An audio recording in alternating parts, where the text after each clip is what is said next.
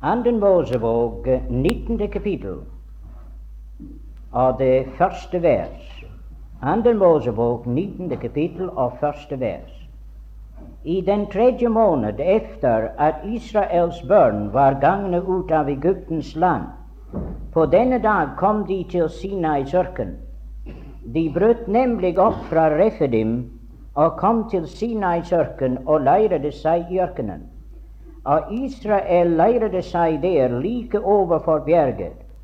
Og Moses steg opp til Gud, og Herren ropte til ham fra bjerget og sa:" Så skal du si til Jakobs hus og kunngjøre Israels børn.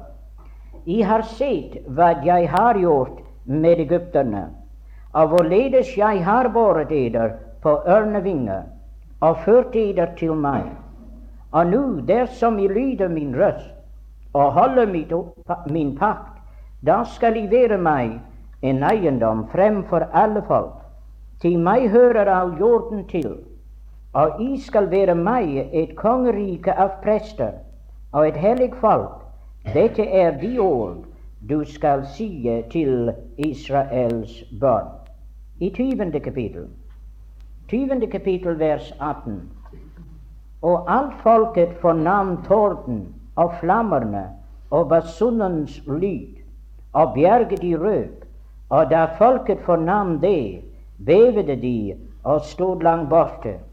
Og de sa til Moses, tal du med oss, og vi vil høre, men la ikke Gud tale med oss, for at vi ikke skal dø. I kapittelet 24, 24. kapittel, og fra første vers Og til Moses sa han, stig opp til Herren, du og Aron, Nadab og Abihu og sytte av Israels eldste, og I skal tilbede i frastam. Men Moses skal alene komme nær til Herren, og de andre skal ikke gå nær til, og folket skal ikke stige opp med ham. Og Moses kom og fortalte folket alle Herrens ord, og alle lovene, og alt folket svarte med en røst og sa:" Alle de ord Herren har talt, vil vi gjøre. Og Moses oppskrev alle Herrens ord, og han stod tidlig opp om morgenen og bygde et alter nedenfor bjerget og tolv støtter efter de tolv Israels stammer. Og han sendte unge karler av Israels børn derhen, og de brakte brennoffer og ofrede slaktoffer, takkofferet for Herren av okser. Og Moses tok halvdelen av blodet og utgøtte i bekkenet, og halvdelen av blodet stengte han på alteret. Og han tok paktens blod og oppleste eh, paktens bok og oppleste den for folkets øre. Og de sa, alt det Herren har sagt, vil vi gjøre og lyde. Da tok Moses blod og et og stinke det på folket, og han sa Se, det er den pakts blod som Herren oppretter med eder på alle disse år. Så leser vi noen vers igjen i kapitlet 35. Kapitlet 35.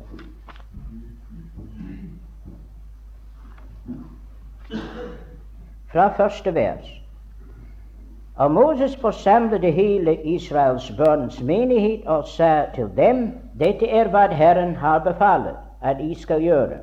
I seks dager skal der forrettes arbeidet, men på den syvende dag skal det være eder en hellig hvile, og høyhellig sabbat for Herren. Enhver som gjør noe arbeid på den dag, skal dødes. I skal ikke opptende ild i noen av deres boliger på sabbatsdagen. Og Moses sa til hele Israels børns menighet, dette er hva Herren har befalet og sa. Tag av hva eders er, en gave til Herren, er vel enhver som er villig i, uh, i sitt hjerte, skal bringe gaven til Herren, gull og sølv og kopper. Og så vil vi lese et par ord i uh, det siste kapittel i denne bok. Kapitlet førre og fra vers 34. Da dekkede skyen sammenkomstens telt, og Herrens herlighet fylte tabernaklet. Og Moses kunne ikke gå inn i sammenkomstens telt, fordi skyen hvilte på den. og Herrens herlighet fylte tabernaklet. Nå, eh, Vi leser noen vers i Det nye testamentet, i Hebreerbrevet. I Hebreerbrevet av det niende kapittel, av vers 18. Vers 18. Derfor er heller ikke den første pakt bleven innviet uten blod. Til da ethvert bud efter loven var blevet forkynt, av Moses for alt folket, tok han blodet av kalvene og bukkene til like med vann og skarlagen rød ull, og isop og sprengte det både på bogen selv og på alt folket, idet han sa dette er den pakts blod som Gud har foreskrevet for eder. Men også teltet og alle eh, Guds tjenestes redskaper oversprengte han i like måte med blod.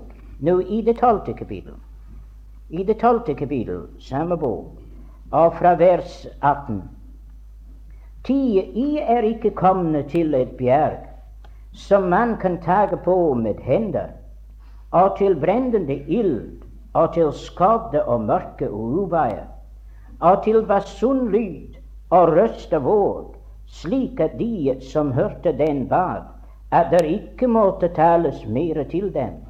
Til de kunne ikke bære dette bud, endog om det bare er et dyr som rører ved bjerget, skal det stenes.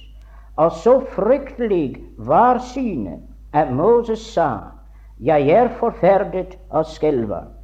Men I er kommet til Sions bjerg, av den levende Guds stad, det himmelske Jerusalem, og til englenes mange tusener, til høytidsskare og menigheten av de førstefødte, som er oppskrevne i himmelen, og til dommeren, som er alles Gud, og til åndene av de fullendte rettferdige, og til Jesus mellommann, for en ny pakt, og til oversprengningens blod som taler bedre enn Abels.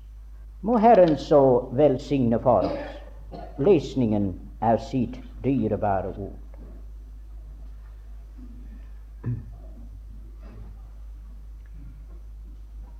Jeg tenkte da vår broder leste dette skriftsted fra Salme 103 at det var like som om at de fikk et lille tilbakeblikk på det som Israel hadde opplevd.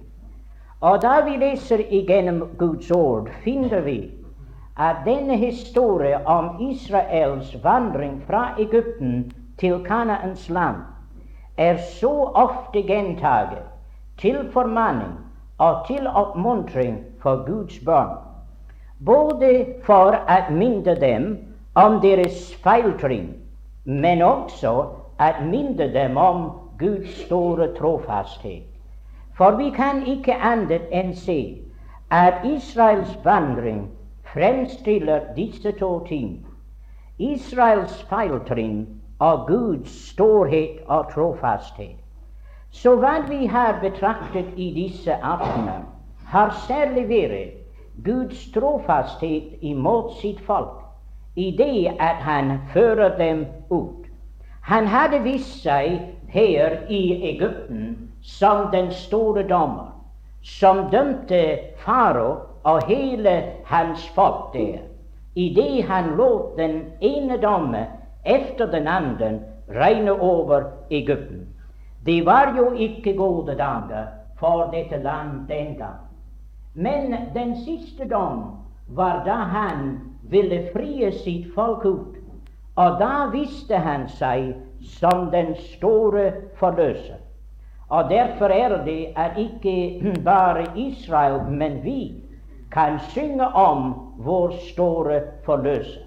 Til Herren han viste seg ikke bare som en dommer, der kan dømme sine fiender, men han viste seg som en forløser, der kan forløse sitt folk. Så derfor finner vi at Herren han fører dem ut av trelldom.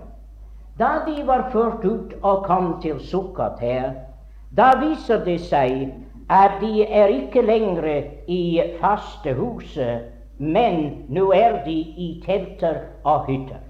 Til de er blevet pilegrimer, så at med lendene ombundet og stav i hånden og sko på føttene, de begynner deres reise til det forjettede land.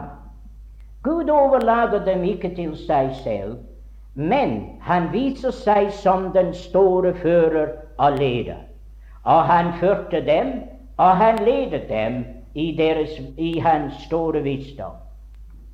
Guds bønn til tider kan komme til å tvile angående Herrens ledelse, og mange ganger spør de hvorfor.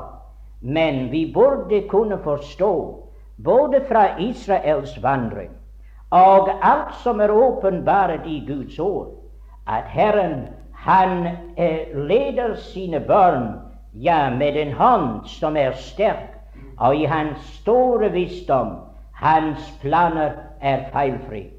Det er ingen brist på Guds plan. Og derfor står det i eh, Romerbrevet at alle ting tjener dem til gode som elsker Herren. Til Gud har en plan, og denne plan er feilfri. Så at du og jeg har kunnet oppleve dette dag for dag, hans store plan, hans veldige visdom i hans ledelse. Men ikke alene var hans visdom der, men hans makt stod til rådighet for dette folk. For da de kom til Det røde hav, han viste seg som Herren, der var mektig til å frelse. Og de fikk lov å se at han seirede over alle deres fiender, og der lå de døde ved havets bred. Nå dette minnet våre hjerter, som vi sa, at Herren, han er vår store befrier. Og Israel fikk lov, som en fullstendig frigjort folk, å synge deres lovsang til Herren. Så jeg synes at det som vi har i Salme 103, og glem ikke alle hans velgjerninger. Han gjorde dette mot Israel, men han har gjort noe meget større og meget bedre mot deg og meg. Ti, han har friet oss fra trelldom, som var verre enn faros. Han har friet oss fra Satans makt, og han har ført oss inn i sin elskede Sønns rike. Så kjære Guds barn, vi har lov til å lovsynge Herren. Ja, som det står i salmen, min sjel lov Herren, og glem ikke alle hans velgjerninger. De store ting hadde gjort for ham. De lærte også hans veier med dem i Mara og i Elim, at han ikke forlot sitt folk, og de lærte også at livets bitre vandre de kunne blive lekt, nemlig ved at ha korset inn i deres liv og å ta korset inn i deres vandel. Men han ga dem brød fra himmelen, og han ga dem vann fra klippen, så at Herren han glemte dem ikke på noen måte. Han sørget for dem med disse åndelige ting. Og skritt for skritt gikk de igjennom denne forferdelige ørken. Skritt for skritt fikk de oppleve hva Gud er for dem. De fikk se Hans storhet og Hans velsignelse. Og da de møtte Amelik, det hadde vi siste aften, da fikk de erfare at de måtte bygge et alter og si 'Herren er mitt barn'. Til der han stod frem som den store stridsmann, og de fikk lov å erfare seier endog over Amalek. Så de hadde grunn til å være et takknemlig folk og lovsynge Herren. Nå, det er ingen av disse ting som skjedde med Israel, som ikke er for Guds bønn den dag i dag. For alt dette har Han vært for oss og mer. For som vi har sett, Han har ikke alene frigjort oss, og har eh, frigjort, forløst oss og frigjort oss fra fiendens makt, og tilintetgjort ham som hadde eh, dødens velde, og friet oss helt ut som hans pilegrimer, men han har sørget for oss hver eneste dag. Han har givet oss av Hans ord og Hans ånd, og Han har givet oss alt hva vi trenger til i vår ørkenvandel. Så vi ser Guds trofasthet imot dette folk. Han beskriver det her i de ord som vi leste, at han førte dem på ørnevinger og brakte dem til seg selv. Nå tenk på dette ord han førte dem på ørnevinger.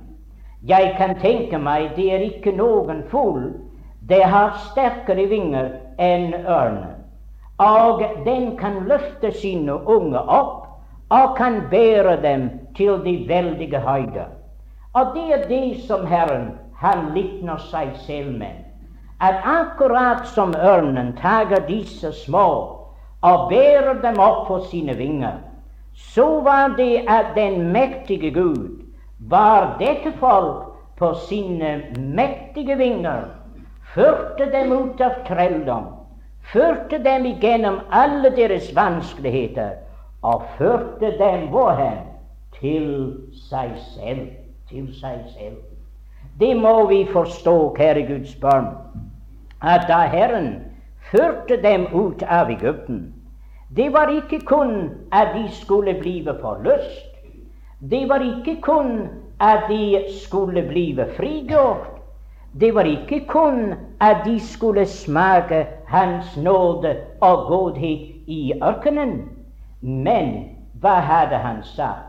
Han sa, la min sønn gå, at han må tjene meg. Han sa, la min tjener gå, at han må holde en høytid for meg. Ja, det var dette. Han vil føre dem til han selv. Og den tanke må vi aldri glemme, kjære Guds barn. Om du tror at du er kun blevet frelst for at du skulle blive friet fra Satans makt, eller om du kun tror at du er blevet frelst for å komme til himmelen, så har du fullstendig misforstått det hele. Det er den interesse som han har i deg. Det er ikke dette, min venn, at han er interessert bare i din tjeneste, men han er interessert i deg. Det er dette at han vil ha deg. Nå legg merke til endog Johannes 14. Da han taler der om Herrens komme, og den gangen han skal føre sine børn hjem, så sier han at hvor jeg er, der skal I også være. Jeg vil ha eder der hvor jeg er. Jeg vil ha eder til meg selv. Nå Det er dette som Peter understreker da han skriver i sitt brev om at Kristus døde den rettferdige for urettferdige for å føre oss frem for Gud, å bringe oss til Ham selv.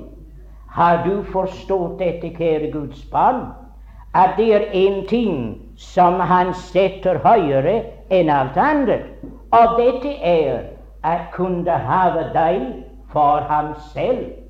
Det er et velsignet ord som Jesus bruker i Johannes evangelium. Og det er dette lille ord han sier 'minne', 'minne'. Han taler om mine disipler.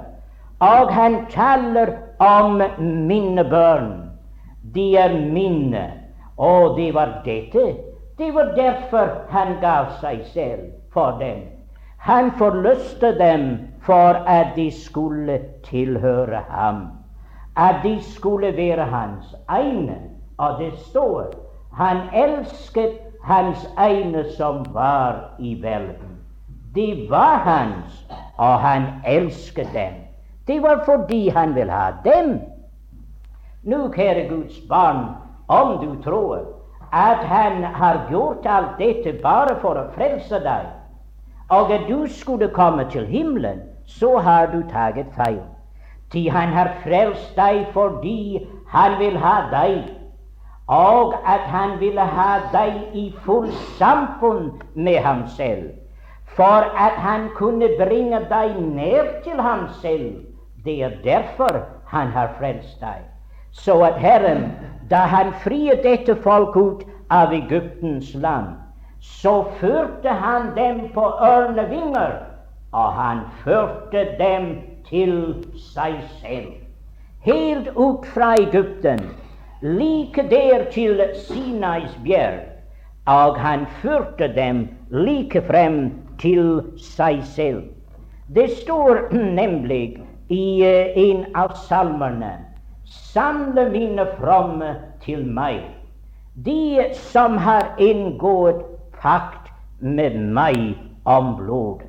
Ja, det er dette. Herren vil ha sine bønn om seg. Et sted tror jeg i salmene det står at han elsker Jerusalems porter fremfor alle Israels boliger. Men du sier hvorfor det? Jerusalems porter, det var hvor Israels stammer de samlet seg om Herren. Og det var størst for ham da han kunne ha sine barn samlet om ham selv. Så det er for ikke for ingenting at Jesus sier i Det nye testamentet hvor to eller tre er forsamlet i mitt navn, der er jeg midt iblant dem. Der er hans lyst å være iblant sitt folk. Så han førte dette folk ut fra Egyptens land, og han førte dem til seg selv. Der i ørkenen var de alene med Gud. Og kjære Guds barn, jeg tror at over alle de erfaringer som du og jeg har, er nettopp de erfaringer da vi finner oss selv alene med Herren. Jakob hadde mange erfaringer, men det er en som likefrem hadde satt et merke på ham for resten av hans liv. Det var den natt han var alene hos, med Gud. Og en brødes med ham, alene med Gud. Og tenk, dette folk er brakt ut av Egypten for å være alene med Gud. Og kanskje, kjære Guds barn, du har ikke tenkt på dette, at Herren har sin interesse av å ha en tid alene med deg. Det står om David at han gikk inn for Herrens åsyn, og han satte seg der for Herrens åsyn, alene med Herren. Ja, og jeg tror det var det som Herren mente om Marie. Maria har valgt den gode del som ikke kan tas fra henne. Jeg tror at Maria forstod dette, at Herrens interesse var ikke først og fremst vår tjeneste, men at Herrens interesse er først og fremst deg selv. Han vil ha deg. Han vil ha hele ditt hjerte. Han vil ha ditt samfunn. Hans lyst var med menneskenes barn. Han vil gjerne ha deg, min venn, for han kan ikke unnvære ditt samfunn og mitt samfunn. Vi må være hos ham. Så han førte dem ut til Sinais bjerg. Men da de kom til Sinais bjerg, så skulle de få en åpenbarelse av hva Herren var. De var jo godt nok å vite at Herren var kjærlig. Han hadde interesse for dem. De var godt nok å vite at Herren var jo uh, mektig, at han kunne føre dem således over Det røde hav. De var utmerket å vite at Herren var nådig, at han åpnet himmelen, og han ga dem brød fra himmelen og vann fra klippen. Men det var én ting som de ennå sikkert var ikke fullt klar over, at Gud er hellig. At Gud er hellig. Og det er en side av Guds sannhet som er glemt i dag. Og Gud er like så hellig som Han er nådig. Han er like så hellig som han er rettferdig. Han er like så meget lys som han er kjærlighet. Det er dette, det er ingen ujevnhet hos Gud. Han er det samme helt igjennom. Og det må vi forstå, kjære Guds barn, at Gud er hellig. Ja, men, sier du, vi er ikke under loven. Men Gud er like så hellig under nåden som han er under lov. Gud har jo aldeles ikke forandret seg, og derfor står det Vær i hellig, til jeg er hellig. Av Guds børn, vi må forstå dette, at hellighet er det som sømmer seg dem som hører Herren til. Så vi må aldri glemme den side av saken at Israel lærte på en måte som var meget, meget hardt, kanskje for dem å lære. Men det er givet oss i dag å forstå at de fikk erfare at Gud er en hellig Gud.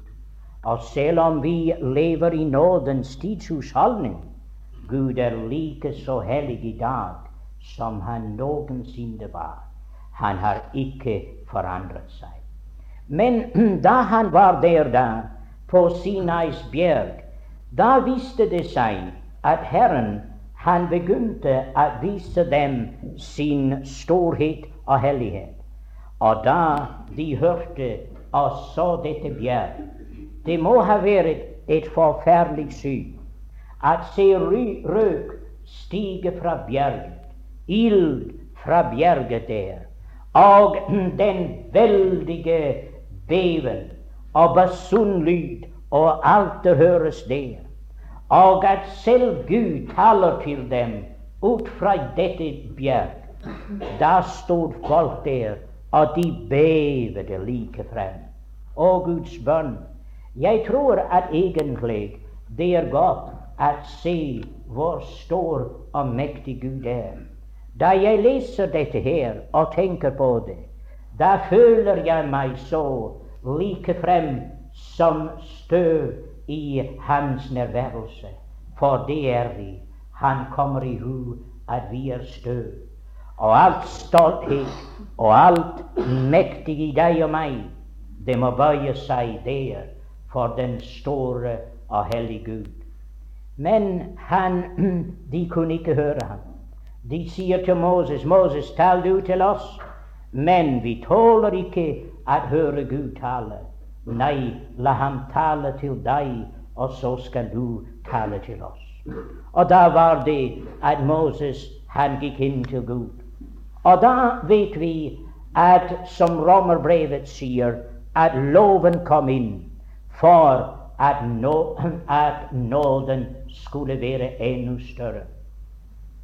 Disse folk de kjente ikke seg selv og de kjente heller ikke Herren. Og jeg tror at det er den vanskeligste ting i verden å få et menneske å kjenne seg selv. Og jeg er bange for at mange endog av oss som er troende, vi kjenner ikke oss selv. Den der mener han kan noe og presterer noe innenfor Gud, ja, da kjenner han ikke seg selv. Men den mann som sier 'I meg det er i mitt kjød, bor intet godt', ja, den mann, han har lært noe av hva Gud er, men han har lært hva han er i seg selv. Og jeg har ofte tenkt på dette som Paulus sier, at blant, når han taler at Kristus kom til verden for å frelse syndere, og han sier blant hvilke jeg er den største. Det var ikke da han like var begynt på sin pilegrimreise at han sa dette. Nei, det var ved slutten av hans pilegrimreise han sa dette. Blant hvilket jeg var den største, jeg er den største, sier han. Blant hvilket jeg er den største. Vet du, min venn, at den som lever i Herrens nærværelse og er i samfunn med Herren, den mann og den kvinne skal lære at i dem, i dem selv, det bor intet godt. Og det er nettopp derfor at mennesker troende, de tror de kan prestere noe, til de har aldri lært hvor dårlig de er. Nei, loven Herren visste godt at Israel at loven de kunne aldri prestere at oppfylle. Men som Romerbrevet sier, loven kom inn for at nåden kunne blive enda større. For I vet hvordan det gikk med loven. Hvor lenge var det at disse holdt loven? De sendte bud til Gud og sa ja, tal du til Moses, og alt hva du sier, skal vi gjøre. Jo, de lovet store ting. Men hva skjedde? Hvor lenge holdt de dette løftet?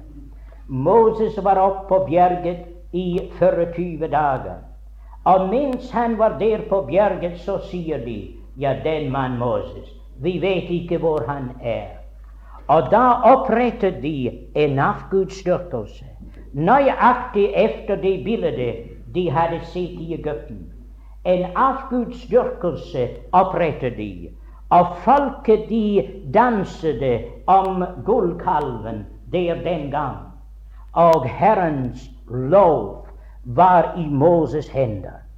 Da han var på veien ned fra bjerget, og det var en Guds nåde at Moses forstod hva han skulle gjøre med disse tavler. Til der var disse tavler uthugget av Guds hånd og skrevet med Guds hånd. Gud selv hadde skrevet det. Og da kommer det ned til dette folk. Og da Moses er kommet så langt nede, da hører han dans, og han hører at folk er allerede har brutt loven som han var i ferd med å dem. Og da hva måtte skje da? Han kastet ned for bjerget der. Og disse tavler det ble knust. Det er mange der glemmer dette. Av de første tavler som Gud selv hadde givet Moses og skrevet på, at de kom aldri til Israel til de var allerede knust før de kom til Israels bønn. Således var loven. Og det var kun da Moses gikk i forbønn for dem, som den store forbeder, at dette folk ikke ble fullstendig utslettet. Ti, loven kan aldri gjøre noe for et menneske hva frelse angår.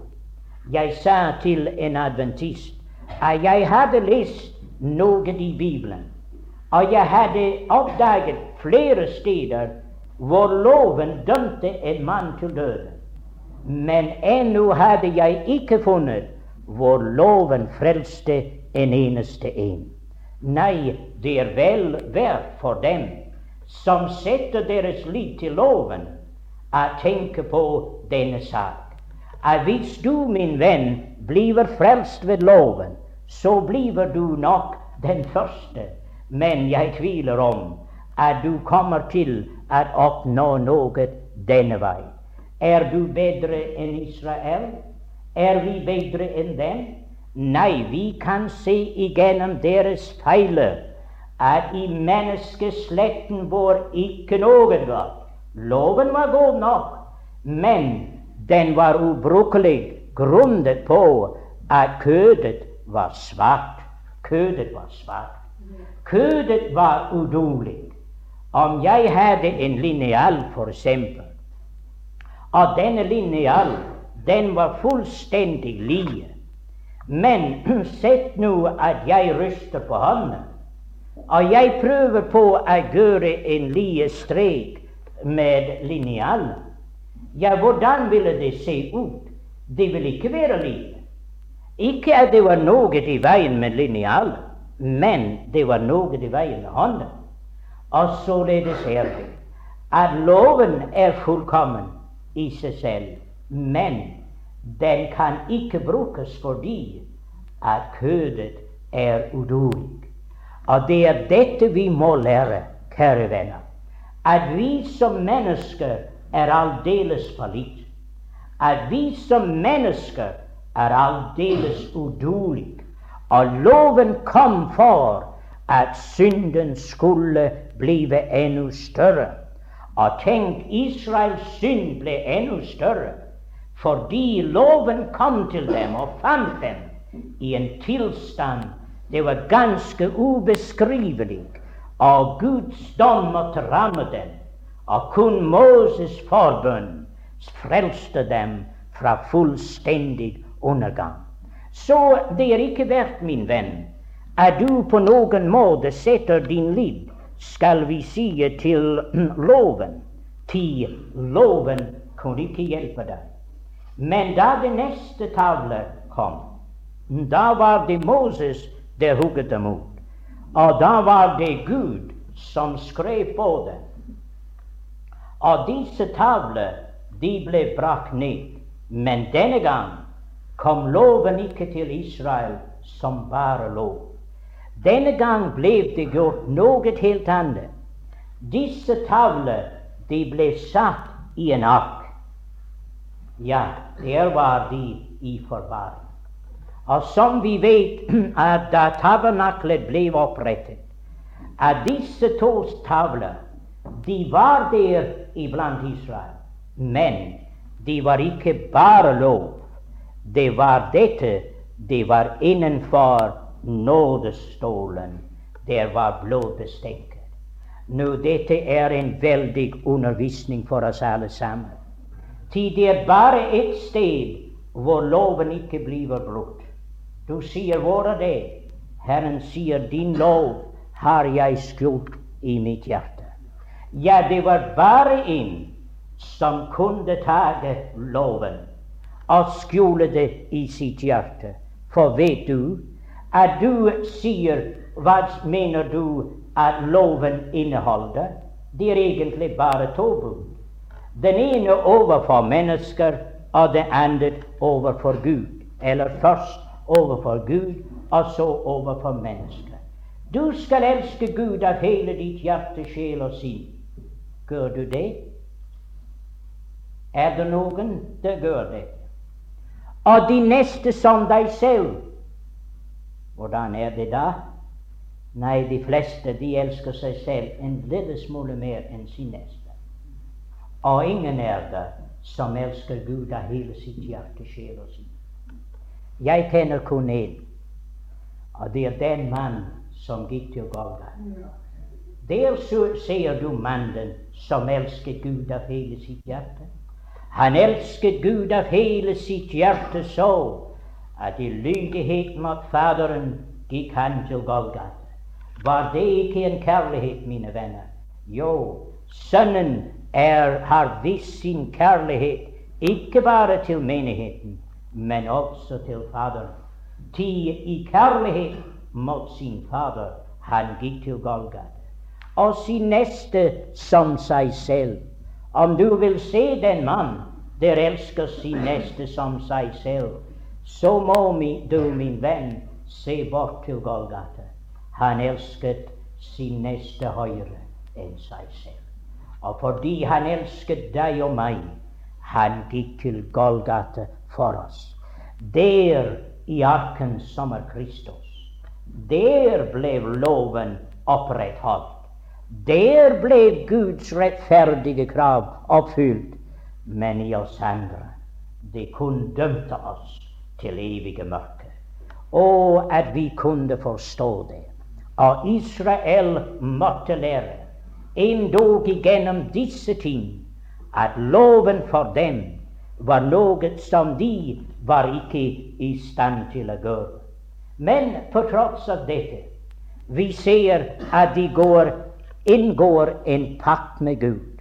En veldig ting å tenke seg at her er et folk som har vist seg så ganske skrøpelig som de var, og dog likevel uten noen vanskelighet de sier Alt hva du sier til oss, vil vi gjøre.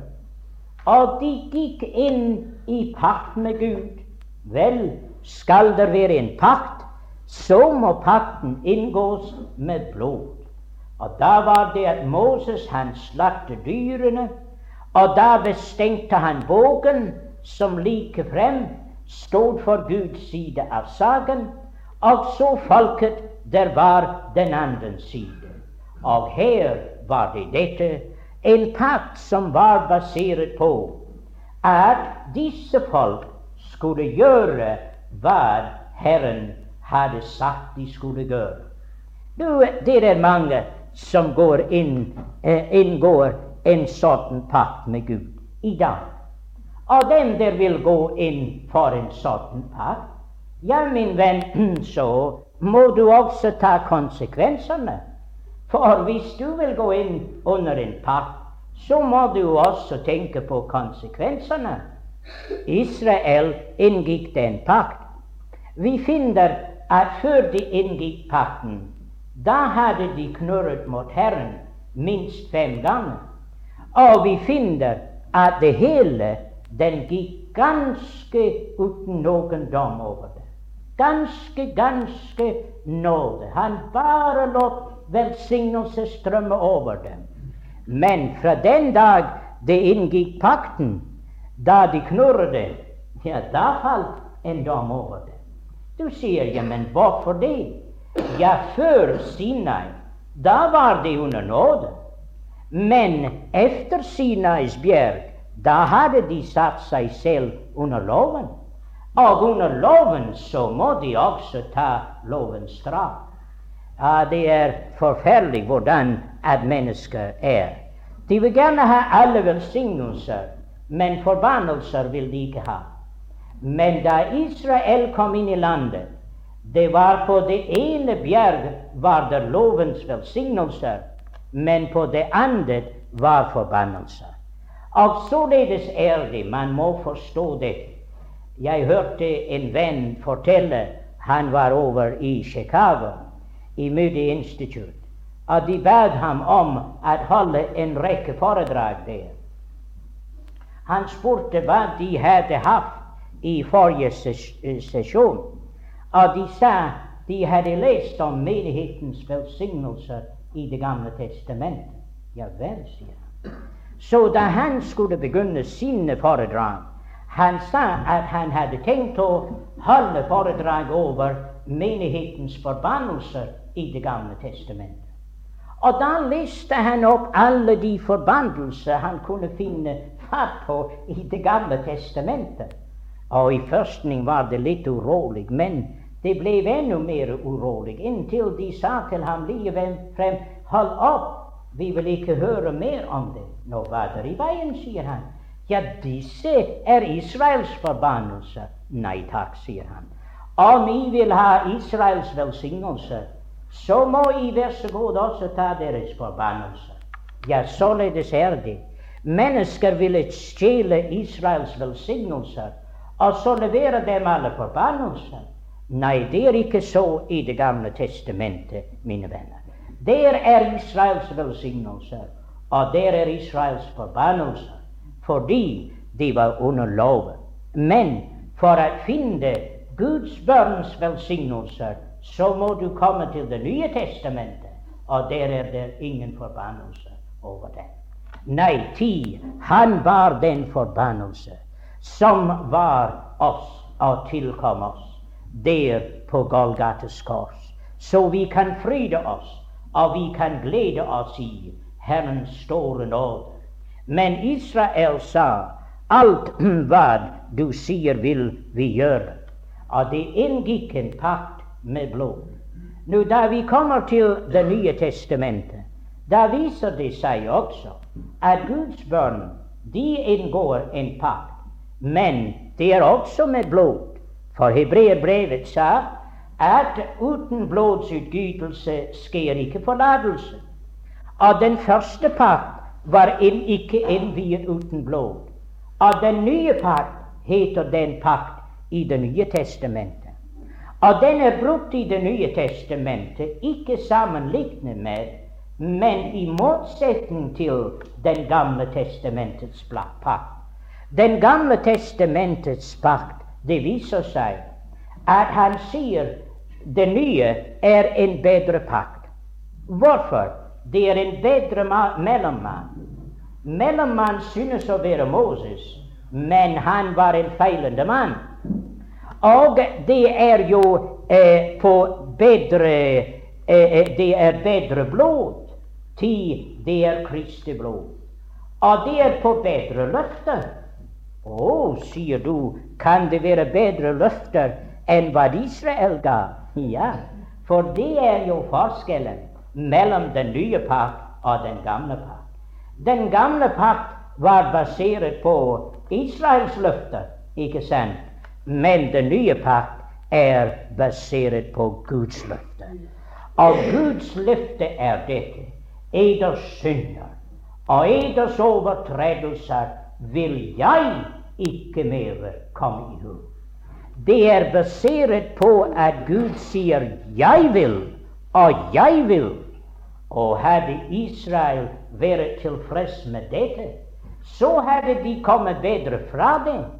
Og om Guds barn i dag var tilfreds med dette, at hvile på hva Gud sier, og Guds 'jeg vil', så kom de meget bedre fra det enn at hvile på at 'jeg vil gjøre det', og 'jeg vil gjøre det'. Nei, min venn, du skal komme til å finne du lider skipbrud, for du og jeg kan ikke gjøre. Uten dette det er å hvile på hva Gud vil, og hva Gud har gjort. Herlige visshet har de som vet at de er i den nye pakt. Da Kristus innvier det han sier, dette er den nye pakt i mitt blod, som er for. Og lovet være Gud at Golgatas kors, du og jeg, er inngått pakt med Gud. Det er ikke bare forløsningens blod det er på deg og meg, men paktens blod. Og paktens blod er noe annet enn forløsningsblod. Forløsningens blod løste oss fra Egypten, men paktens blod bandt oss til Herren og gav oss den stilling i fullt samfunn med ham. Og lovet være Gud i en pakt hvor løftene er på Guds side. Jeg vil, jeg vil og jeg vil. Så det er en trøst for våre hjerter at se forskjellen mellom den pakt som Israel fikk oppleve, og den pakt som du og jeg er forbundet til Herren med. Enda en ting jeg ønsket å understreke, og det var dette. Mange ting skjedde der ved Sinais bjerg. Vi kunne ikke tale om det i, i en aften. Men uh, fordi at de var sikkert der en, uh, minst en ni måneder ved Sinais bjerg.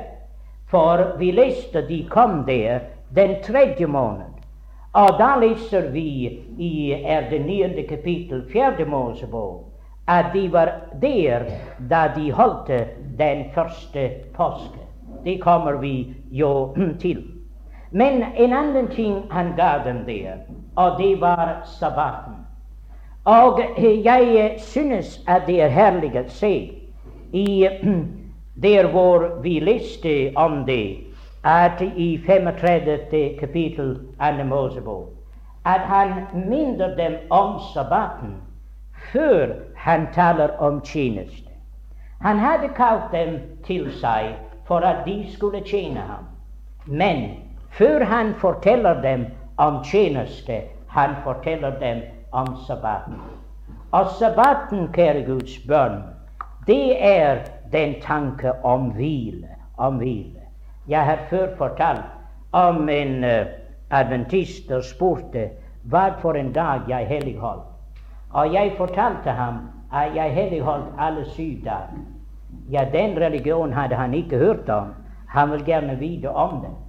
Og jeg fortalte ham om at Gud arbeidet seks dager, og så hvilet den syvende dag. Sier jeg, hvor lenge var det at han hvilet? Ja, det hadde han ikke tenkt på. Vel, sier jeg, i Det nye testamentet det står at Jesus sier Min Fader arbeider hittil, og jeg arbeider. Så den hvile må ha vært avbrutt. Og jeg sa jeg tror det var derfor at Jesus gjorde de fleste av sine store gjerninger på sabbat. For å lade dem vite at Gud hadde ennå ikke funnet hvile. Men for å gjøre det kort, jeg kom til Golgata.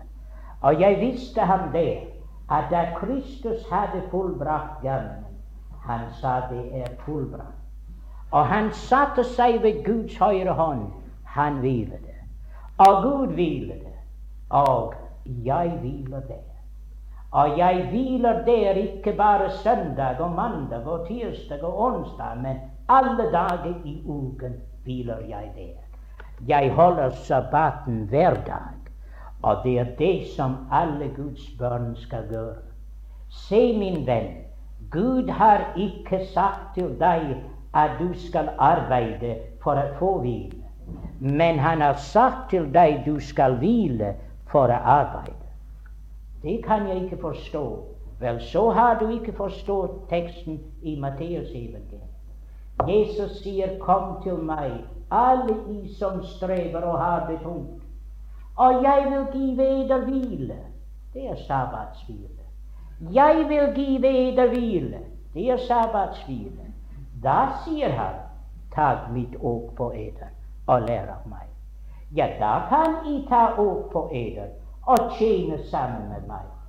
Men først skal du få hvile for din sjel. Og den sjel som ikke har funnet hvile, han skal heller ikke gjøre meg tjeneste, skal jeg si. Nei, du må først hvile i Kristi fullbrakte verk, og så tjene ham uten av den visse i din sjel at du har hvile. Ikke at du skal tjene for å få hvile, Nei, den hvile er tilveiebrakt på Golgata. Og Jesus byr hver eneste sjel hvile i aften. Men husk på, du skal hvile før du tjener. Og straks etter dette så sier han til dem at de skulle bringe alle disse forskjellige ting som hadde med tabernaklet å gjøre. Ja, nå kunne de bringe deres gaver. Nå kunne de tjene Herren da de først hadde hørt om deres hvile. Og således er det i evangeliet i dag. Han minner oss om hvile. Og om det er en sjel her som ennå ikke har funnet hvile i Kristus Du går og strever og har det tungt. Du prøver på å gjøre det ene og det andre da bli frelst og komme til hvile. Men Jesus sier 'Jeg har gjort det alt sammen'. Der på Golgata har jeg båret alle dine synder. Alt er fullbrakt. Du har intet å gjøre. Du er bare 2000 år for sent med å gjøre noe. Alt er fullbrakt. Du skal bare komme og hvile. Kom til meg, sier han. Alle I som strever og har det tungt, og jeg vil give eder hvile. Og det var hvile som han lovet oss. Ikke strev og strid. Nå sier du, men det er sånn strev og strid. Men det var ikke hva Herren mente. Nei, aldeles ikke. Det er dette han sa, tag mitt åk på eder. Og, sier han, lær av meg, så skal I finne hvile for eders sjele. Det er jo tjenerens hvile. Hvile i at man er i samme åk sammen med Kristus. Ja, det er det. Og da er det en herlig tjeneste å hvile endog i tjeneste. Så, kjære Guds barn, det er hvile som Herren byder oss. Og det er det Han vil give deg i aften om du vil komme til ham. Men han hadde sagt til dem at de burde, da de forlot Egyptens land, og så kom til dette sted Han sa for at de kan holde en høytid for meg.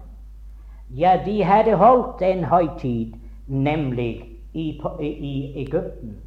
Påskehøytiden. Den hadde de holdt i Egypten, men de holdt den også i ørkenen. Å, hvilken dag det må ha vært. Der i ørkenen jeg kunne tenke tilbake til den natt som de var friet ut av Egyptens land, og tenke alt de hadde opplevd i det år det var gått om all Herrens trofasthet. Jeg kan tenke meg det var en stor forskjell mellom påsken i ørkenen og påsken i Egyptens land. Men de holdt ennå en påske, og det var da de var kommet inn i landet. I Josfas tid, da holdt de påske i landet. Ah ja, det er dette da Herren innstiftet måltidet, Herrens nattvær, brødsbrytelse. Han sa dette om jeg skal ikke drikke av vintreets frukt før jeg drikker det ny i Guds rike. Men lovet være Gud, vi skal komme i hu Golgata. Når vi kommer hjem til himmelen, da skal vi ikke behøve brødet og kalken av mindre sånne.